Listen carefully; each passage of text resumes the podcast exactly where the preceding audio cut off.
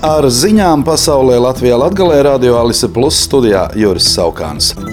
Darbinieku streika dēļ Vācijā šodien gandrīz pilnībā nekursē sabiedriskais transports vairākās valsts federālajās zemēs. Streiku organizē arotbiedrība Verdi, lai izdarītu spiedienu uz darba devējiem pašvaldībās saistībā ar nesaskaņām par darbinieku algām un darba apstākļiem. Pagājušajā nedēļā notikusī saruna otrā kārta noslēdzās bez panākumiem. Verdi un arotbiedrība DBB pieprasa darbinieku algas palielināt par 10,5%, jeb par vismaz 500 eiro mēnesī. Nu, kā var secināt, ka caurmērā transporta sistēmā strādājošie Vācijā ik mēnesi nopelna ap 4,5 tūkstošiem eiro katrs.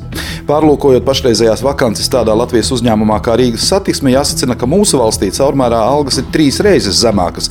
Toties tā kā šodien ir piekdiena, jāatzīmē, ka kvalitatīvs alus Vācijā ir divreiz lētāks nekā pie mums, tāpēc nu dienu grūti saprast, kas Vācijas transporta darbiniekus neapmierina.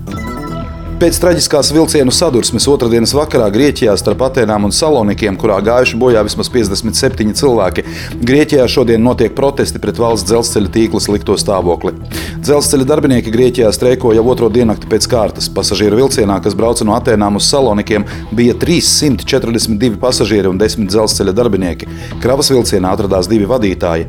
Tiesu mediķi identificē bojā gājušos ar DNS testiem, jo daudz līķi ir sakropļoti. Vakar vairāki tūkstoši cilvēku izgāja protestēt Atēnu un Saloniku ielās, daži pat apmētāja policiju ar molotova kokteļiem. Dispečers, kura kļūdas dēļ notika sadursme, ir aizturēts un apsūdzēts slepkavībā. Viņa advokāts paziņoja, ka klients uzņemas savu vainas daļu. Kanādas valdība piešķīrusi uzņēmumam Sunshine Earth Labs licenci kokaīna ražošanai un pārdošanai. Februārī līdzīgu licenci saņēma uzņēmums Adastra Labs, kas līdz šim koncentrējās uz kaņepju ekstraktu izstrādi. No opioīdu pārdozēšanas Kanādā jau miruši tūkstošiem cilvēku, tādēļ valdība lēmusi dekriminalizēt nelielu daudzumu kokaīna, heroīna un citu stipro narkotiku. Janvārī Britu Kolumbija atbrīvota no krimināla kodeksa trīs gadu izmēģinājuma projektam ar mērķi iedrošināt narkotiku lietotājus meklēt palīdzību. Britu Kolumbija ir tikai otrā jurisdikcija Ziemeļamerikā, kas dekriminalizē stiprās narkotikas. Amerikas Savienoto Valstu Oregonas štats šādu soli spēra jau 2020. gada novembrī. Daugopils lokomotīvu remonta rūpnīcā tiek pabeigta jaunā tramvaju būvniecībai paredzētā ceha būve. Rūpnīca līdz šā gada beigām Daugopilī saražos pirmos četrus tramvajus par pamatu ņemot un modernizējot esošo modeli. Plānots, ka pirmais vagons būs gatavs septembrī, bet ceturtais decembrī. 2024. gadā jaunos tramvajus eksploatēs, gūstot pieredzi, bet jau nākamā gada plānos ietilpst jaunu tirgu meklēšana šim produktam.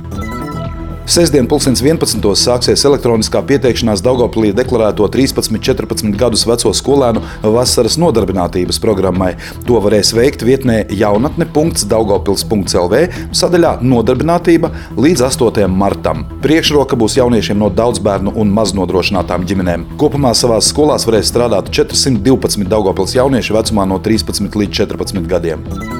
Krāslavas novada doma lēma ar šā gada 31. augustu likvidēt Krāslavas grāfa Plāteru vārdā nosaukto poļu pamatskolu. Skola pastāv jau 32 gadus, tajā mācās 44 bērni, nodarbināti 15 skolotāji. Skolas gada budžets ir ap 275 tūkstošiem eiro.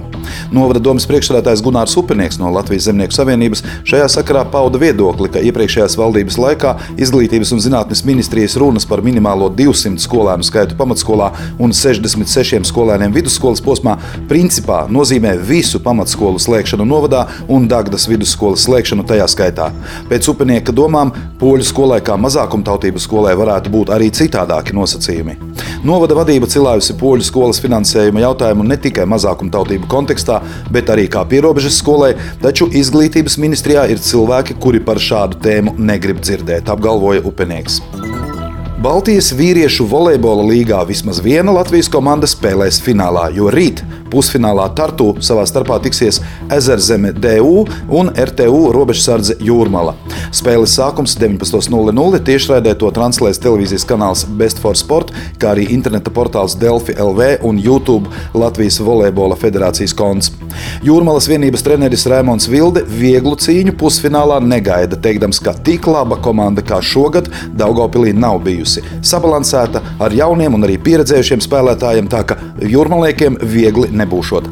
Fināla mači jau svētdien, 14. par 3. vietu, 17. par 1. vietu. Ziņu apskatu pasaulē Latvijā Latvijā veidoja Radio Alise Plus informācijas un ziņu dienests ar Sabiedrības integrācijas fonda atbalstu. Radio Alise Plus studijā bija Juris Saukāns.